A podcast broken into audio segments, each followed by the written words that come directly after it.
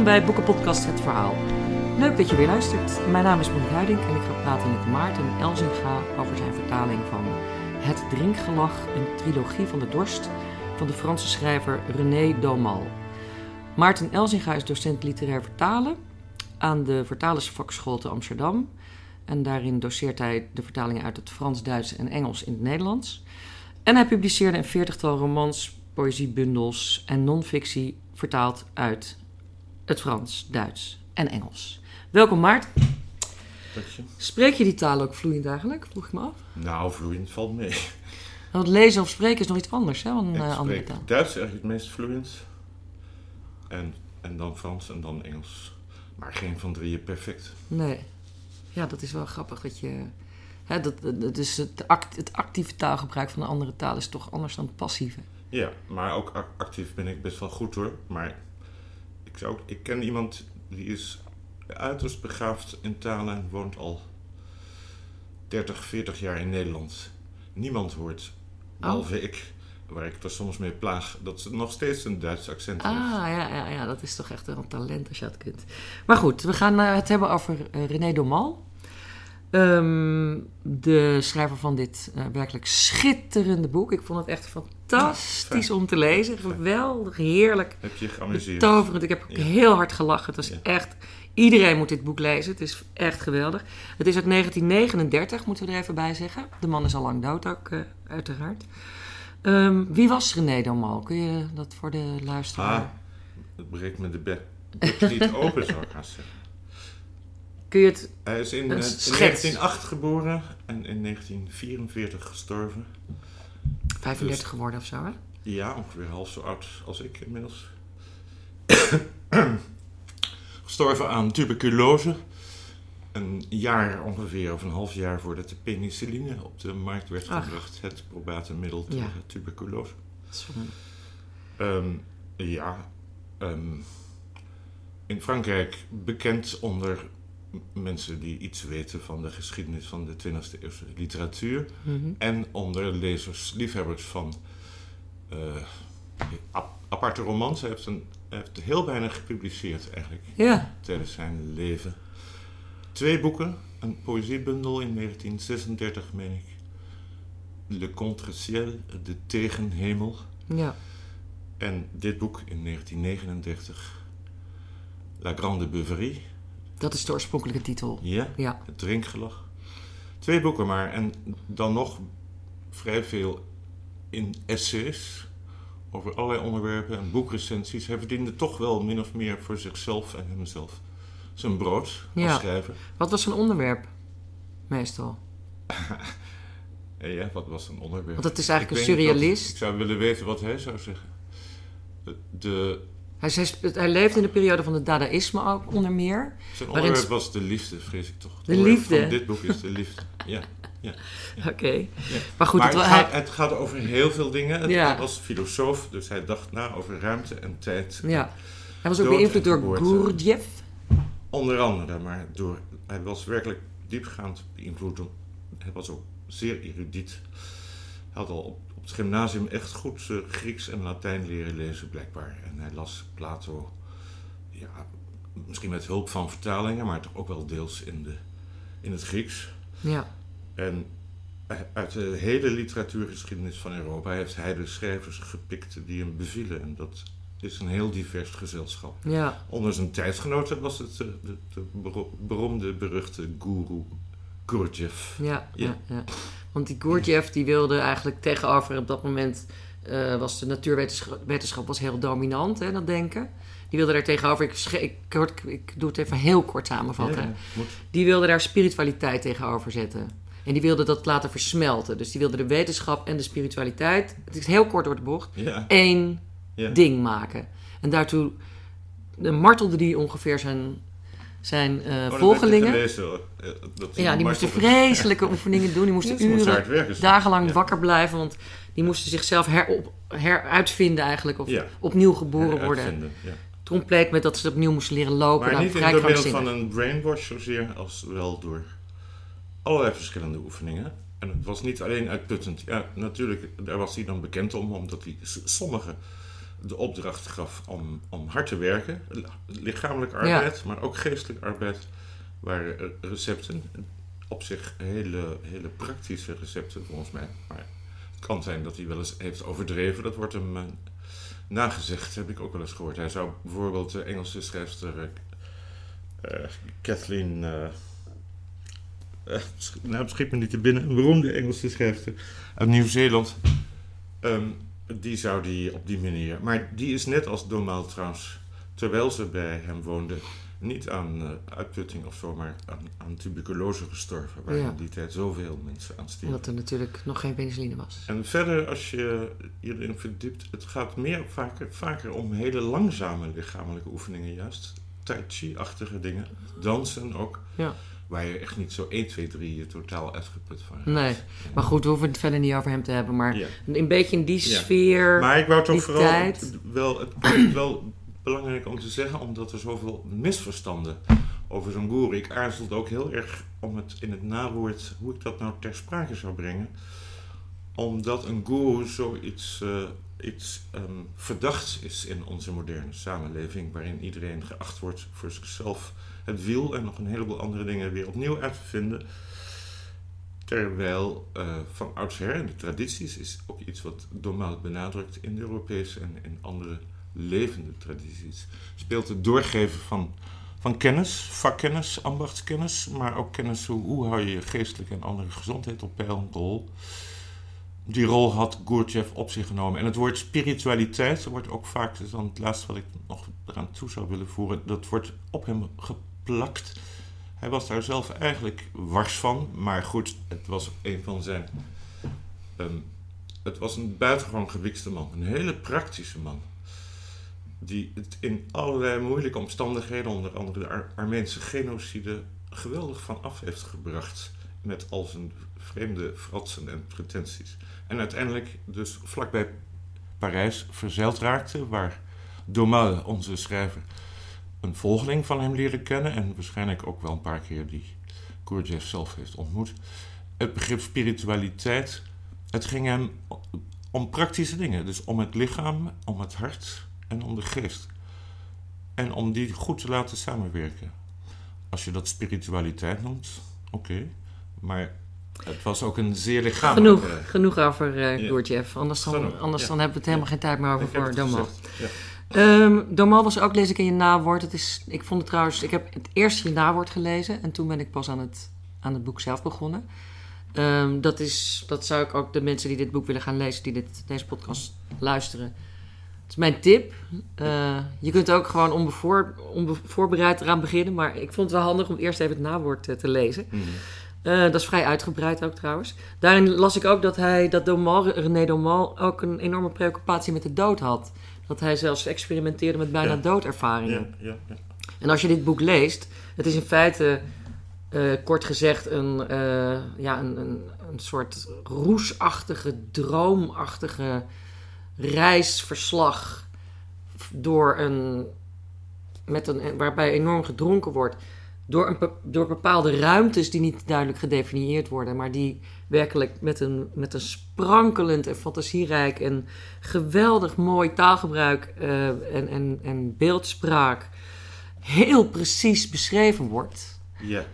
Tegelijkertijd Terwijl, terwijl het een roes is. Precies, ja, ja, dat is echt fantastisch. Ja. Maar het derde deel, waar, waar, het allemaal naartoe vertelt... Ja, het zijn drie delen. Is een ontnuchtering, hè? om het maar meteen te verklappen. Bij zo'n boek als dit zijn er eigenlijk geen spoilers mogelijk, bedacht ik. Het begint heel dronken.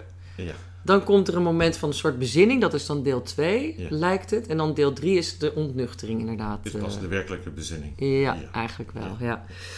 Nou, om. Uh, ik denk dat het goed is om gewoon even eerst een, hoofdstuk. Het zijn allemaal hele korte hoofdstukjes in, in die delen. Als je één hoofdstukje wil voorlezen, gewoon, dat is uit, dat is van pagina 28. Dan zijn we al een heel eind op, uh, op, op weg. Dan zit hij nog steeds in die, in die kelder waar vreselijk gedronken wordt. Mensen houden daar onbegrijpelijke redenvoeringen. En er wordt ook uh, geschreeuwd en gezongen. Ja, de redenvoering is op zich niet zo onbegrijpelijk, maar eh, daarvoor moet je het twee keer lezen haast. Ja, ja nee, maar ja. je begrijpt het ook wel, maar ja. het is... Uh, het is verwarrend allemaal. Ja, het is allemaal heel... Wat er gebeurt is allemaal erg verwarrend. Ja, zeker. Nou, lees in ieder geval In het eerste deel met name. De, dit, dit is wel deel. een van de allerverwarrendste passages. Ja, lees voor. Um, Opeens uh, wordt hij door iemand die hij de kleine Sidonius noemt, een van de vele vreemde namen die erin voorkomen, die trok me al een paar minuten aan mijn oren om me te dwingen, naar, om, me te, dwingen te luisteren naar een al vreemd verhaal. In Krakau hielden we dus een kaffer in de duiventil op een dag. Ik onderbrak hem en stelde voor eerst wat te drinken om te voorkomen dat zijn tong zich zou oprollen of dat ik mijn trommelvliezen liet martelen zonder geestelijk profijt. Bij wijze van antwoord legde hij prompt beslag op een vaatje tokkaier dat we om beurten boven ons hoofd hielden om de inhoud recht in ons keelgat te kunnen gieten. Toen hernam hij zijn verhaal, nu in iets begrijpelijkere bewoordingen. De kaffer die in Krakau onze tuin verzorgde en de binnenplaats schoon hield, sliep in de duiventil. Zelf zei hij dat dit heel gezond was voor de adem. Die nacht had ik een afschuwelijke droom. Een reusachtige kurkentrekker, dat was de wereld, boorde zich eindeloos in zijn eigen spiraal, een beetje zoals een ouderwetse kapperspaal. En ik zag hoe ik zelf, niet groter dan een luis, maar minder vast op mijn voeten, voortdurend mijn evenwicht verloor en weggleed op die wentelende schroef, terwijl mijn gedachten ronddraaiden op roltrappen van a priori vormen. Opeens was het gedaan met me, een enorme klap. Mijn nek versplinterd, ik tuimel voorover, kom weer bij bewustzijn in een regen van sterretjes en daar staat de kaffer die me juist wakker wilde maken. Hij zegt: Zat jij even in de peperzak, hè? Kom maar eens kijken. We lopen naar de duiventil en hij laat me door een gat in de houten wand kijken. Ik werp een blik en zie iets verschrikkelijks.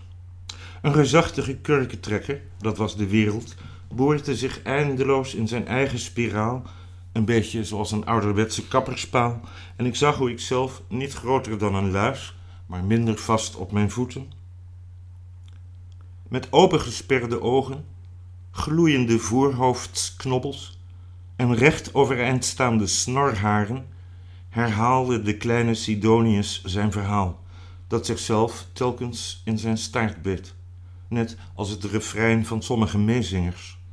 Hij sprak gejaagd, haast struikelend over zijn woorden. Minstens tien keer luisterde ik, verstart van ontzetting, naar de omwentelingen van zijn verbijsterende avontuur. Toen ging ik wat drinken. Ja, dat is uh, één hoofdstukje. En zo zijn er vele. En werkelijk, het is ook allemaal heel raar, maar het is toch heel goed te volgen. Het is vooral heel precies.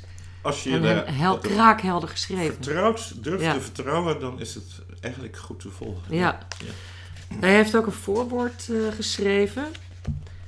En uh, daar staat voorwoord tevens gebruiksaanwijzing. Dat vind ik ook wel geestig. En dan gaat het over het, eh, de macht van, de, van het woord eigenlijk, waar het hele boek ook in feite mee eindigt mhm. en over gaat. Ja, dat had ik ook kunnen zeggen. Het gaat over de macht van het woord. Ja, ja. en wat, wat taal eigenlijk uh, inhoudt. En of, en Doet met mensen. Ja, en dat, dat helder denken ook te maken heeft met heldere taal. Ja. En dat, ga ik, dat wilde ik eerst dat je dat ook helemaal ging voor, maar dat doen we niet. Maar dat maakt ook helemaal niet uit. Nee. Um, want hij ja, wat, wat denk je dat hij met dit, met dit boek, met dit bizarre verhaal en ook zo'n mooie verhaal bedoeld, uh, bedoeld heeft? Wat heeft hij daarmee willen bereiken of zeggen, denk je? Um, een heleboel verschillende dingen. Dus. Mm. Want het is ook, een, het is ook heel ironisch en, en, en het is ook een wereld, het commentaar op de wereld. Het staat vol met karikaturen die, ja. die buitengewoon nota bene, het is uit 39, maar die herken je, die persoon. 1939. Herken je nu ook? Het was dus een, nog geen half jaar voor het uitbreken van de Tweede Wereldoorlog. Ja. Hij was zo arm als een rat. Hij deed alles voor de literatuur en voor zijn idealen. Daarom bleef hij arm, kun je wel zeggen. Um, hij wilde de mensen wakker schudden. Ja, hè? toch wel. Het is een beetje wereldverbeteraar ook, denk ik. Nou ja, hij, was geen, niet lid van welke politieke fractie dan ook.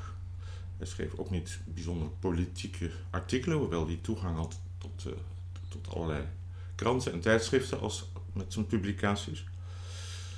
Het ging hem erom. Uh, eigenlijk vond hij dat iedereen ehm, eerst maar eens moest nadenken voordat ze nog een stap zetten. Het is zo gemakkelijk vertaalbaar naar mijn idee, naar de huidige situatie, dat het huiveringwekkend is. Het is ook nu zo. eh, De, beste remedie voor, voor de globale problemen die we nu hebben zou zijn een algehele totale staking. Niet, geen, niet, niet vervangende middelen om toch lekker door te gaan, maar, maar stoppen met een heleboel dingen. Misschien, ik bedoel, dat kan je ook. Dat betrok hij deels ook op zichzelf om een stapje te maken. Het schrijven van literatuur was iets waar hij uiterst sceptisch tegenover stond. Oprecht sceptisch. Niet uit snobisme of uit, uit malligheid, maar omdat hij ehm, vond dat, dat de, de, de, de communicatie, waar ook het, het voorwoord over gaat, op een andere manier eh, gebruikt zou moeten worden. Maar ja, dat is, dat is een heel verhaal. Hij had dus een, bijzonder radicale kritiek op de westerse, met name beschaving, ook op het kolonialisme. Er komt ook een zeer fel hoofdstuk over kolonialisme. Um, dus op de westerse beschaving, op wat inmiddels zo'n beetje de globale heersende systeem is.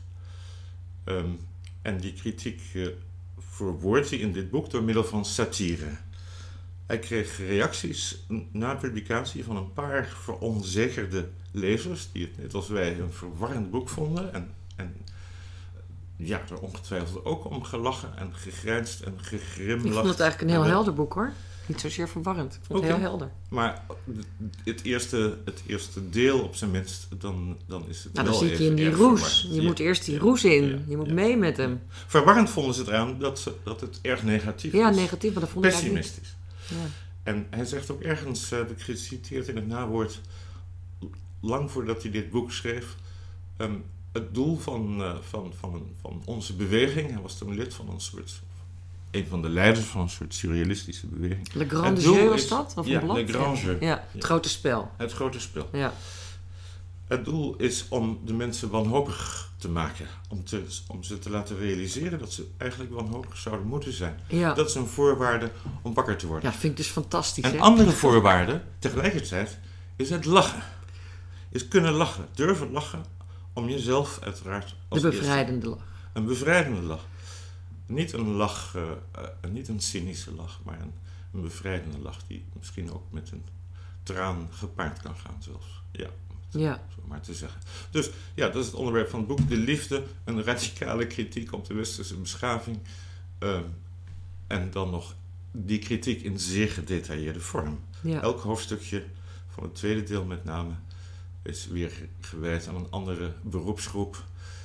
Zo, zoals eh, daar zijn eh, zakenlui en dichters en schilders en muzici en critici en artsen en wetenschappers en psychologen en waarzeggers enzovoort. Schrijvers ook. Schrijvers uiteraard ook. ik ga nu zelf nog even een heel klein stukje voorlezen. Namelijk, daar heeft hij het dan over. Dan is hij inmiddels een, eh, trouwens een, in deel 2 zijn we nu aanbeland. Want in, hij gaat eigenlijk van beneden, beschrijft hij als iets dat beneden is. Een soort kelder, Ja. waar heel veel wordt gedronken. Ja. Eh, en waar iedereen dus continu in een soort van roes verkeert. Waar hij op een gegeven moment dan denkt, ik ben, een, wat ben ik toch een idioot? Dat zegt hij zelfs drie keer. Dat hij zichzelf een idioot vindt. Wat doe ik hier? Ik moet hier weg. Hij wil ontsnappen. Ja. Maar eigenlijk wordt hij eruit gezet. En dan gaat hij een trap op. Gaat hij in een, het is een soort van de hel van Dante. Dan gaat hij een, een Hij wordt een trap hoger. opgesleept door een soort politieagenten die daar rondlopen. En dan komt hij ergens op een hoger niveau, een soort van zolder. En daar ontstaat eigenlijk een hele stad uit. Groeit daar gewoon Die uit. zolder is een ziekenboek. Maar het is de ziekenboeg. Waar die dan inkomt is een universeel ziekenhuis. Ja, en dan wordt hij begeleid door een, een ziekenbroeder. Die gaat hem daar even een rondleiding geven. En dan komt, krijgt hij bijvoorbeeld ook op een gegeven moment te maken met de makers van nutteloze letteren. En die kunnen worden onder. onder eh, ik kan het niet goed. Die worden Onderverdeeld. onderverdeeld in drie hoofdgroepen: die van de Pwatten, die van de Rommersjees en van de Kiritikiki. Kiritiki. Kiritiki. Kiritiki, zo je wil. Kiritiki. Ja. ja. Dat zijn drie namen, eh, of deze drie namen eh, laten zich respectievelijk vertalen als vertellers van ritmische leugens. Dat zijn dus de patten. Ja, de dichters, De Rommersjees, dat zijn de spokenverkopers. de romanciers. En de Kiritiki, dat zijn de kramelrapers. Juist. De recensenten. Ja. Ja, Fantastisch. Ja. Echt heel erg leuk is dat. Maar goed, dus zo heeft hij nog veel meer. Er zijn allerlei soorten van. Hè, die, die zieke broeder. Nou ja, vertel jij maar hoe dat, hoe dat dan gaat. Hij, hè, wat, wat, wat hebben ze allemaal voor namen gekregen? Want er zit ook heel veel fantasiewoorden in, hè? Het Enorm, het zijn fantasiewerelden. Het zijn werelden die op een onverwachte manier onze eigen wereld, of zijn wereld in 1939, spiegelen. Ja, Maar het zijn tegelijkertijd fantasiewerelden. En de manier waarop dat door elkaar loopt en hoe hij daarmee speelt, is, is ingenieus. ja, dat is weergaloos. Ja, het zijn dus drie delen. Mis- Misschien is, is, is nu toch het moment om. eh, ik, ik weet niet of je dat ook eh, wou voorlezen. Het, het moment waarop hij zichzelf in het tweede deel als een van de romanciers tegenkomt. Ja, Daarin vat hij eigenlijk heel adequaat, zou ik haast zeggen, samen wat het boek behelst en, en waar die, die drie delen uit bes- bestaan. Eh, Hij verraadt daarin de compositie van het geheel. ja, ik zal even eerst zeggen voor de luisteraars hoe die drie delen heten. Deel 1 is de, heet, de titel daarvan is Moeizame dialoog over de macht van woorden en de zwakte van het denken. Deel 2, eh, dat heet Kunstmatige paradijzen. En deel 3, Het gewone daglicht. En in deel 2 komt hij een, heeft hij een ontmoeting met ene Aham Egoment. Egomet, ja. En dat betekent eigenlijk half uit het Sanskriet en half uit het Latijn, geloof ik, ikzelf. ja. Hij ontmoet zichzelf dus. Ja, ja. En dat is een, een soort contrapunt in het boek, waarin, zeg jij, Ja, waarin en die, denk ik ook dus. Ja, waarin die samenvat, eigenlijk het hele boek samenvat, heel helder samenvat. En ehm, waarin die bovendien zichzelf onder de zieken plaatst. Ja, De mensen in het tweede deel zijn de mensen die wilden ontsnappen aan eh, de wereld van, van, van drank en, en, en drugs en, en, en, en ik zou haast zeggen een, een totaal zweverig soort esoteriek en marxisme. En dat was eigenlijk de surrealistische omgeving waarin hij zelf verkeerde in de jaren, eind van de jaren twintig in Parijs. Hij ontsnapt, komt op de ziekenboeg en daar zitten alle andere mensen, de voortvluchtigen, heb ik ze gedoopt in het Nederlands, de évadé in het Frans.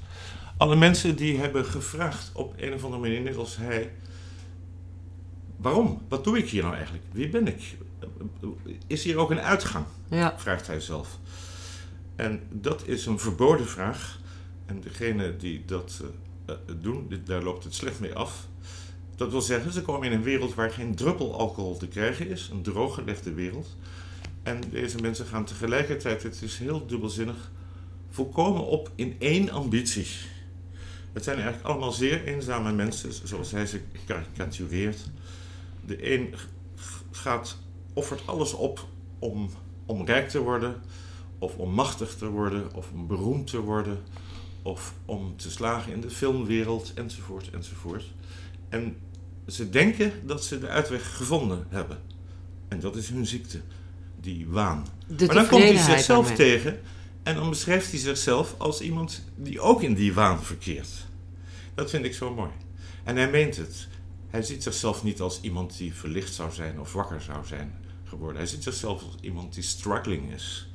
Die worstelt, net als wij allemaal eigenlijk, Ja. in een soort halfslaap. En wat ik ook grappig vind, dan zegt hij, beschrijft hij deze Ahmed Egomet? En dan zegt hij bijzondere kenmerken, geen. Ja, hij is een soort elkerlik. Hij wil Dat eigenlijk ja, hij wil leeg zijn, hè? Ja. Ja. Zal ik, mag ik, zal ik dat lezen? Want daar wordt het zo goed in samengevat. Doe Of maar. de samenvatting Weet anders, jij, als weet je waar dit staat? Ik geloof het wel.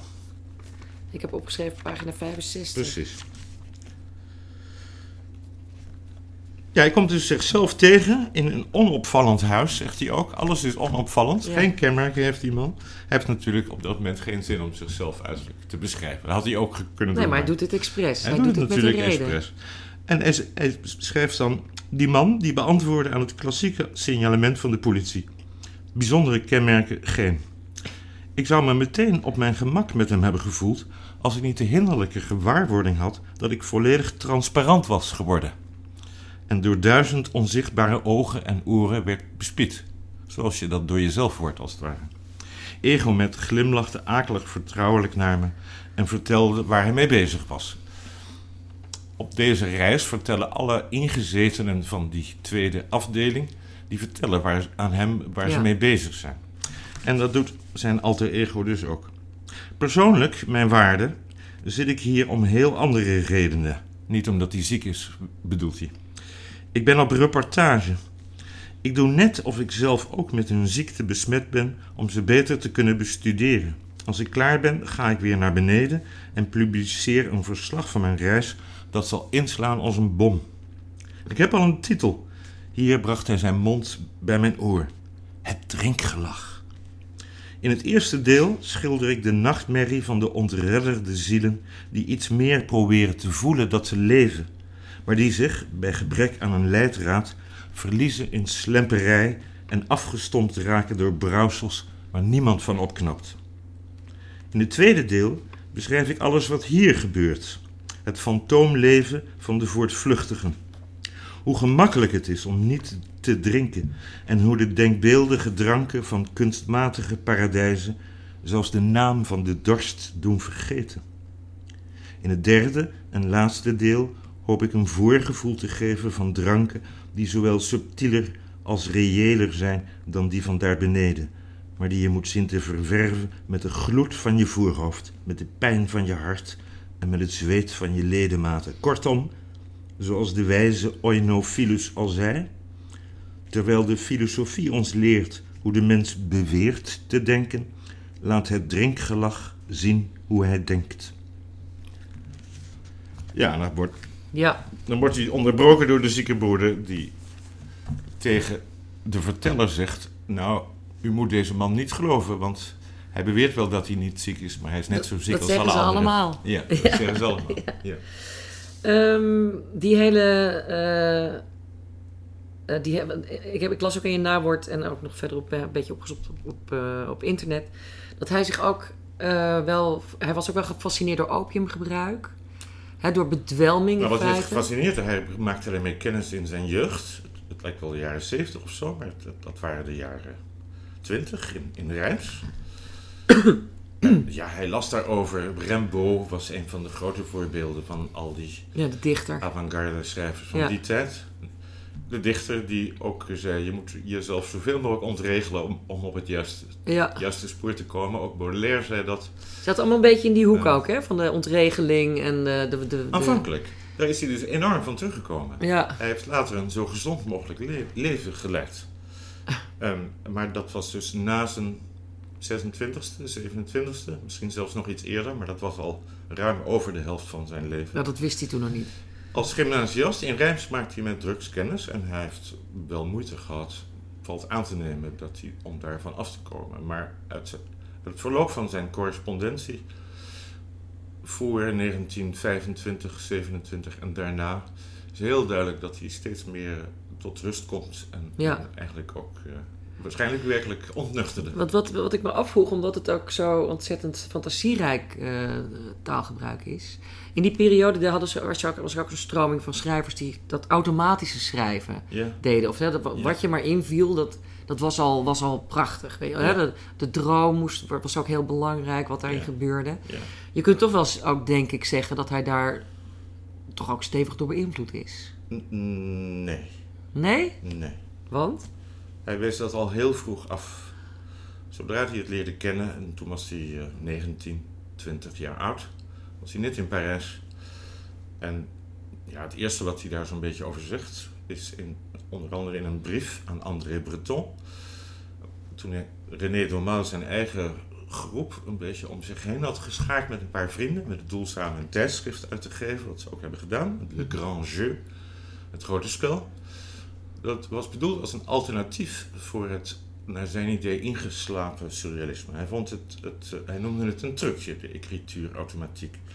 Hij verzette zich er juist tegen. Hij vond Ja. dat wat er opborrelt uit het eh, onbewuste, en er zijn ook heel veel surrealisten zijn later tot, ook tot inkeer gekomen wat dat betreft.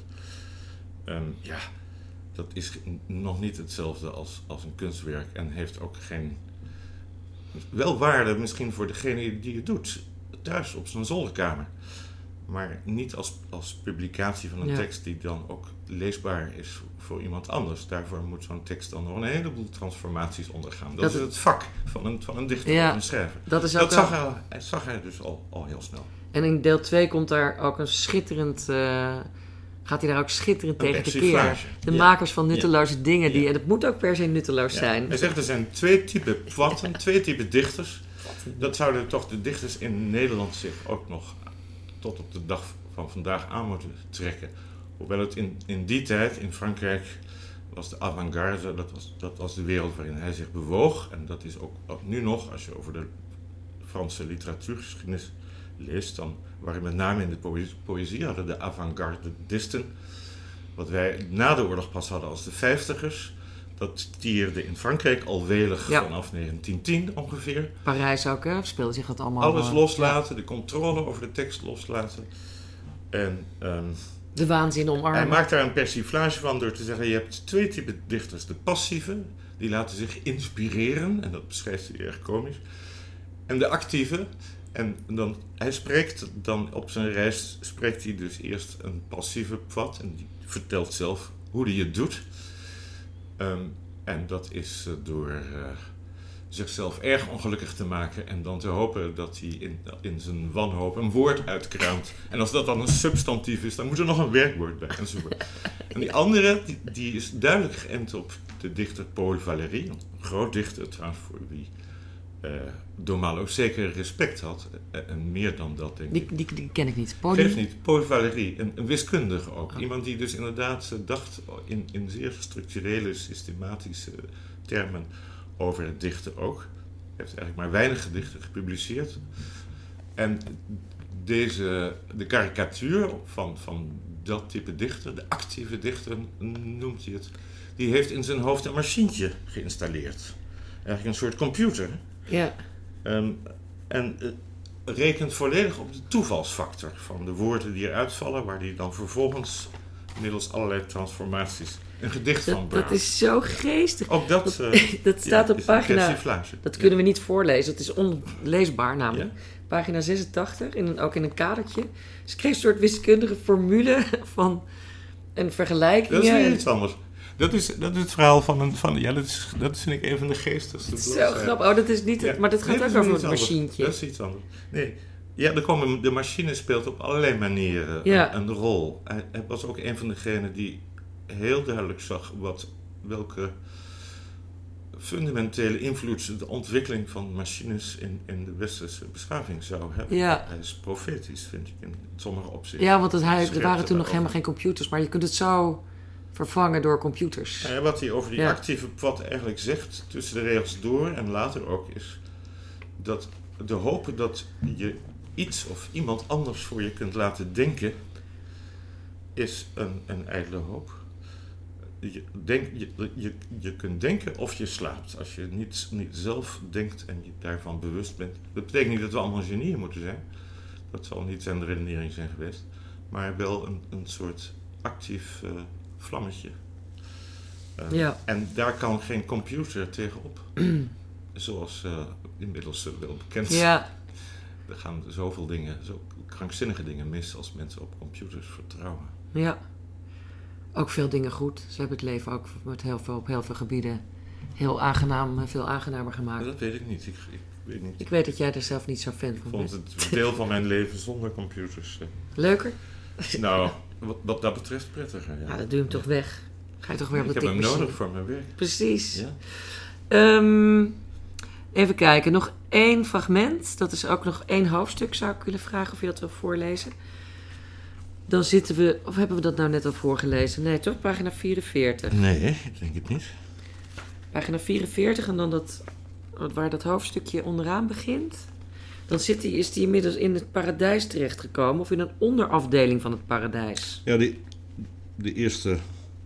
Het begint met mijn gids nam even de tijd om te Ja, genieten ja van mijn dat is de introductie. Hij is net de deur doorgestapt waardoor hij in het paradijs komt. Hij Ja. komt eerst in de ziekenboeg, maar dan wordt hij verder geleid. En die ziekenboeg is tegelijkertijd een soort kunstmatig vals paradijs. Ja, En hij heeft dus een gids en dat is gewoon de, de, De verpleegkundige, de ja. ziekenbroeder.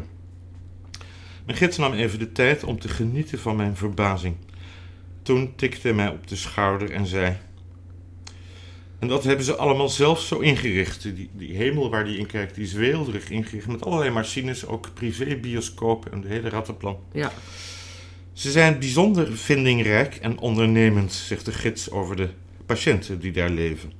En het bestuur doet zijn best om hen van alle mogelijke materialen te voorzien.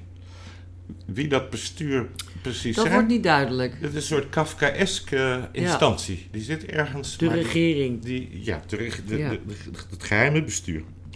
Ik leid u rond, gaat vervolgt de, de ziekenbroeder. Ik leid u rond langs de verschillende onderafdelingen.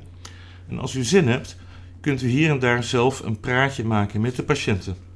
Maar geen woord over drank of over de benedenwereld waar we vandaan komen. Want dan zouden ze u eens, wel eens lelijk te grazen kunnen nemen. Laten we eerst naar het sta- stadion gaan. Aha, ja. Zo noemde men een met zand bedekt rechthoekig terrein dat gedomineerd werd door een kolossaal metalen standbeeld met beweegbare ledematen. De menselijke machine. Rond de sokkel lagen bonte boeketten van bladmetaal en cellofaan die daar door vrome handen waren achtergelaten. De vrome handen in kwestie steunden op datzelfde moment plat op de grond en dienden als voeten voor de menselijke lichamen die, voor het oog van de juichende menigte op de tribunes, met het hoofd omlaag over de zandvlakte renden. Degene die het eerst het eind van een bepaald parcours bereikte, ontving een glas citroenschap en een salade die hij glunderend van trots en met veel smaak verorberde. Anderen lieten zich om beurten voorovervallen van een ladder. Wie van de grootste hoogte viel en binnen tien seconden weer op zijn benen stond, kreeg een daverend applaus en de titel kampioen. Anderen vermeiden zich in een keur van spelletjes, waarbij het er stevast om ging wie het hardst of het best kon trekken, duwen, rennen, springen, slaan of incasseren. Sommigen bedienden zich van uiteenlopende martelwerktuigen of gemotoriseerde machines die zo nu en dan ontploften. De doden werden opgezet en tentoongesteld in speciale musea, maar de ziekenbroeder raadde me af die te bezoeken. Daar zou u maar dorst van krijgen, zei hij. Zal ik verder lezen? Ja. Trouwens, zegt de ziekenbroeder, laten we niet te lang blijven hangen in deze buurt. Er is hier vlakbij ook een agrarische kolonie waar aardappelen worden geteeld om genoeg te kunnen eten om sterk genoeg te zijn om aardappelen te kunnen telen. Anderen hebben zich toegelegd op het bouwen van huizen, waarnaar ze mechanische mensen moesten uitvinden om die huizen te bewonen en dus ook spinnerijen om die robots te kleden en vervolgens andere robots om die spinnerijen draaiende te houden en weer nieuwe huizen voor die andere robots. Kortom, in deze wereld is iedereen zo koortsachtig bezig en zo geestdriftig aan het werk dat u zelfs met de minst gestreste ingezetene amper een paar woorden zou kunnen wisselen. En eh, dat allemaal zonder drank, informeerde ik. Uitsluitend zure vruchtensapjes en vooral liters vlijtsap, zodat ze in feite, zonder het te beseffen, zo dronken zijn als torren. Maar laten we voortmaken, voordat we helemaal zijn uitgedroogd. Ja, tot hier. Ehm, nou, op een gegeven moment, hè, we zitten nu, eh, hij krijgt dan een inkijkje in dat paradijs. Je ziet in feite, het is, ik vind het echt verbijsterend actueel. Heel, is het sowieso, ja. ja, maar ook Ja, actueel. En actueel, Het is ja. gewoon, Ja. want hij, hij beschrijft het, hij maakt allemaal karikaturen van mensen. Waarschijnlijk in zijn tijd zullen mensen ook Maar hij zegt wel ook heel serieuze dingen tussen. Ja, absoluut. Maar in zijn tijd zullen mensen ook her- herkend hebben wie hij bedoelde. Ja, Ik- zijn, ik niet. Zijn, eh, zijn, zijn vrienden en, en ja, het, het was deels, eh, vooral het eerste deel, daar komen allerlei mensen die hebben een andere naam Ja. gekregen. En dat waren allemaal de, de dat mensen maakt met voor de- omging. Ja, Voor de huidige hedendaagse lezer niks uit. Want je kunt, want je Nee. kunt er zo mensen Ja. voor invullen Absoluut. uit je eigen tijd. die gaan we niet noemen. Nee, natuurlijk gaan we die niet noemen. Maar dat, onszelf ook natuurlijk. Maar wat ik, wat ik ook dacht toen ik, toen ik het uit had en, en eh, erover nadacht, het is toch ook ongelooflijk dat de mensen eigenlijk helemaal niet veranderen ook. Hè? Dat zo'n boek uit 39, dat in, eigenlijk in de jaren 30 geschreven De is. ontwikkelingen die hij signaleerde, daar dacht ik nou nog over na. Ik heb het boek gisteren ook voor het eerst ingekeken en herlezen. Om een beetje voor te bereiden, me te herinneren. En het profetische element wat in sommige dingen zit. kijk, met beroepsprofeten drijft hij ook een apart hoofdstukje kostelijk de spot. Ja, En hij poseert niet voor profeet. Maar een, het, het, profetische zicht, wat sommige vooruitziende mensen hebben, berust erop dat hij de grondtendensen van zijn tijd erkende. En die hebben zich doorgezet. die zijn Dus- er nog. Dat loopt zonder eh, Ja, merkbare knik van, van, nou ja, van het jaar 0 tot nu, maar Ja. ook van het jaar 1939 tot 2020. ja. Ja. Dat vond ik ook verbijsterend eigenlijk. Of nou ja, interessant. Ik bedoel niet, niet per se eng hoor. Maar meer dat je denkt van hoe is het mogelijk dat, dat er zo weinig ontwikkeling eigenlijk ook in de, wat dat betreft in de mensheid zit. Zelfs als er nog, als er nog allerlei oorlogen tussendoor zijn geweest en Ja, gruwelijke vervolgingen en noem maar op. Het is toch, het ja, blijkt toch wel een, een, komt gewoon steeds een op hetzelfde neer. ontsporing te zijn Ja. in allerlei opzichten. En ook wat ik ook interessant uit dit boek vind, is die enorme behoefte aan een, eh, het gevoel van echte leven. Dat je echt een vuur in jezelf voelt eh, van het echte, werkelijke eh, emoties en gevoel. En dat zie je ook nog steeds overal weer oppiepen. Of dat mensen hebben Dat mensen ernaar hunkeren. naar hunkeren, ja. Juist, ja. ja. Naar verlangen, naar het Ja. echte leven. Natuurlijk. En dan, Ja, dan geef ze gaan ze op vakantie naar, eh, naar een resort in eh, Egypte waar, waar ze eindeloos mogen eten. Ja, ze doen van alles. Ze doen nog veel gekkere dingen Ja. dan dat hij hierop stond. Ze gaan naar Mars. Maar dat was, toen, dat was toen nog niet. Ja. Oké, we, we hebben niet zo heel veel gek van tijd meer. Dat vliegt altijd de tijd. Ehm, ik wil je nog wel even iets over je, over je vak, over je beroep vragen. Het is natuurlijk helemaal niet makkelijk om zo'n boek als dit te vertalen, vooral met al die fantasiewoorden. Nee, dat is Wat is jouw rol, eh, wat is jouw houding ten opzichte van de schrijver in dit geval? Eh, is dat het heel dienstbaar of probeer je... Ja, ik zou willen zeggen uiterst dienstbaar. Ja? Ja, natuurlijk. Maar ja, ik, ik- dan ga je misschien aan valse bescheidenheid of zo denken. Maar juist uit trots ben ik dienstbaar. Ehm Want je hebt toch ook zelf woorden moeten bedenken? normaal. En, ja, Ja. Maar natuurlijk was het niet makkelijk. En ik, ik heb vooral zeldzaam veel plezier gehad bij het vertalen van dit. Plezier en ook telkens weer diepe ontroering. Ja? We hebben het nog niet eens over gehad, maar dat ehm, zeg ik tegen wie het maar wil horen. Ik had er eigenlijk een sticker van willen maken om op lantaarnpalen te plakken, maar daar wou de uitgever niet op ingaan. Die scène waarin het, het hoofd van alle wetenschappers, van alle eh, abstracte denkende wetenschappers die allerlei problemen oplossen waar we niet op zitten te wachten vaak. ja, Ehm, dat is de omniscient, ja, uiteraard de allesweter. die zit helemaal achteraan in het Die proces. ziet hij ook. Met, met, hij, hij loopt daar ook weer rond in een soort stad, ook waar, waar, de zieke broeder hem rondleidt. En die zegt: Kijk, daar, daar zit nou de omniscient. Die heeft het brein van 3000 andere mensen in zijn hoofd. Dus dat is een soort menselijke computer, een, een, een, een robotmens.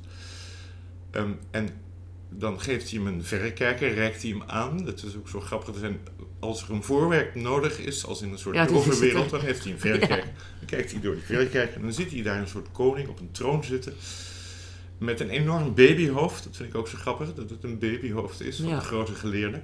En daar aan een, een heel klein verschrompeld lichaampje, wat zo'n beetje in, in zijn kleren over de troon gedrapeerd is. En boven zijn, zijn hoofd is- een grote banderole, een soort reclame. En daar staat op: Ik weet alles, maar ik begrijp er niets van. Ja, schitterend hè. Als ik, als ik daaraan denk, dan, dan moet ik, ik telkens weer lachen. En tegelijkertijd eh, vind ik het ontroerend. Ja. ja. Gerrit Reven zei overigens... Mannen weten, mannen weten alles, maar vrouwen begrijpen alles. Nou, dat, ja, Gerard Reven zegt het, oké. Ja. Die heeft ook eh, altijd wel gelijk, toch? ja, daar zit iets in. Ehm, nou, mijn laatste vraag is... eh, heb je, ben je al aan het werk aan een volgend project? Een vertaal, eh, grote vertaal... Ik heb alweer een boek af. Klus. tussendoor. Ah. Ja. ja. Van iemand die ook erg bezig is met de dood. Niet helemaal ontoevallig. Ik heb Oké. het zelf gekozen. Maar Oh. op een heel andere manier. Namelijk, welke schrijver? Emmanuel Berl is wel eerder een privédomeindeel van verschenen, maar hij heeft niet een heel groot publiek in Nederland. Mm. Een, een Joods-Franse schrijver. Ehm, en die heeft op zijn eh, a- zeer oude dag, die is in 1892 geboren en eh, heeft in 1956, na de Tweede Wereldoorlog, heeft hij een boek geschreven waarin hij dat heet eh, De aanwezigheid van de doden. En daar gaat het om de mensen die hij gekend heeft en hoe die zo nog rondspoken in zijn geheugen. Het gaat Mhm. over de dood en de werking van het geheugen. Dus eigenlijk ook over identiteit daarmee. Ehm, en ook over de liefde trouwens. Ja. Voor alles en na alles.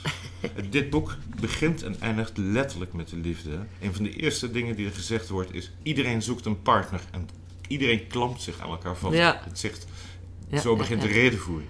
En op de laatste bladzij wordt uitgelegd wat het verschil is tussen een, een, een matig huwelijk...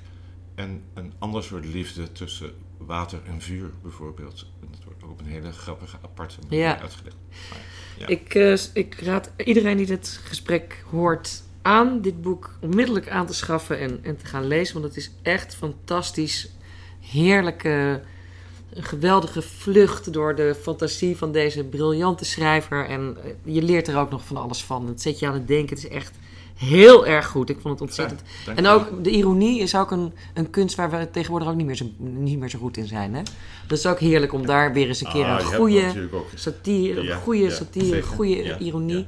Dus voor de liefhebbers daarvan eh, zou ik ook zeggen, Mhm. verdiep je er eens in, in dit leuke boek. Dankjewel voor dit gesprek. Ik sprak met Maarten Elzinga over zijn vertaling van Het Drinkgelag, een trilogie van de dorst van de Franse schrijver René Daumal.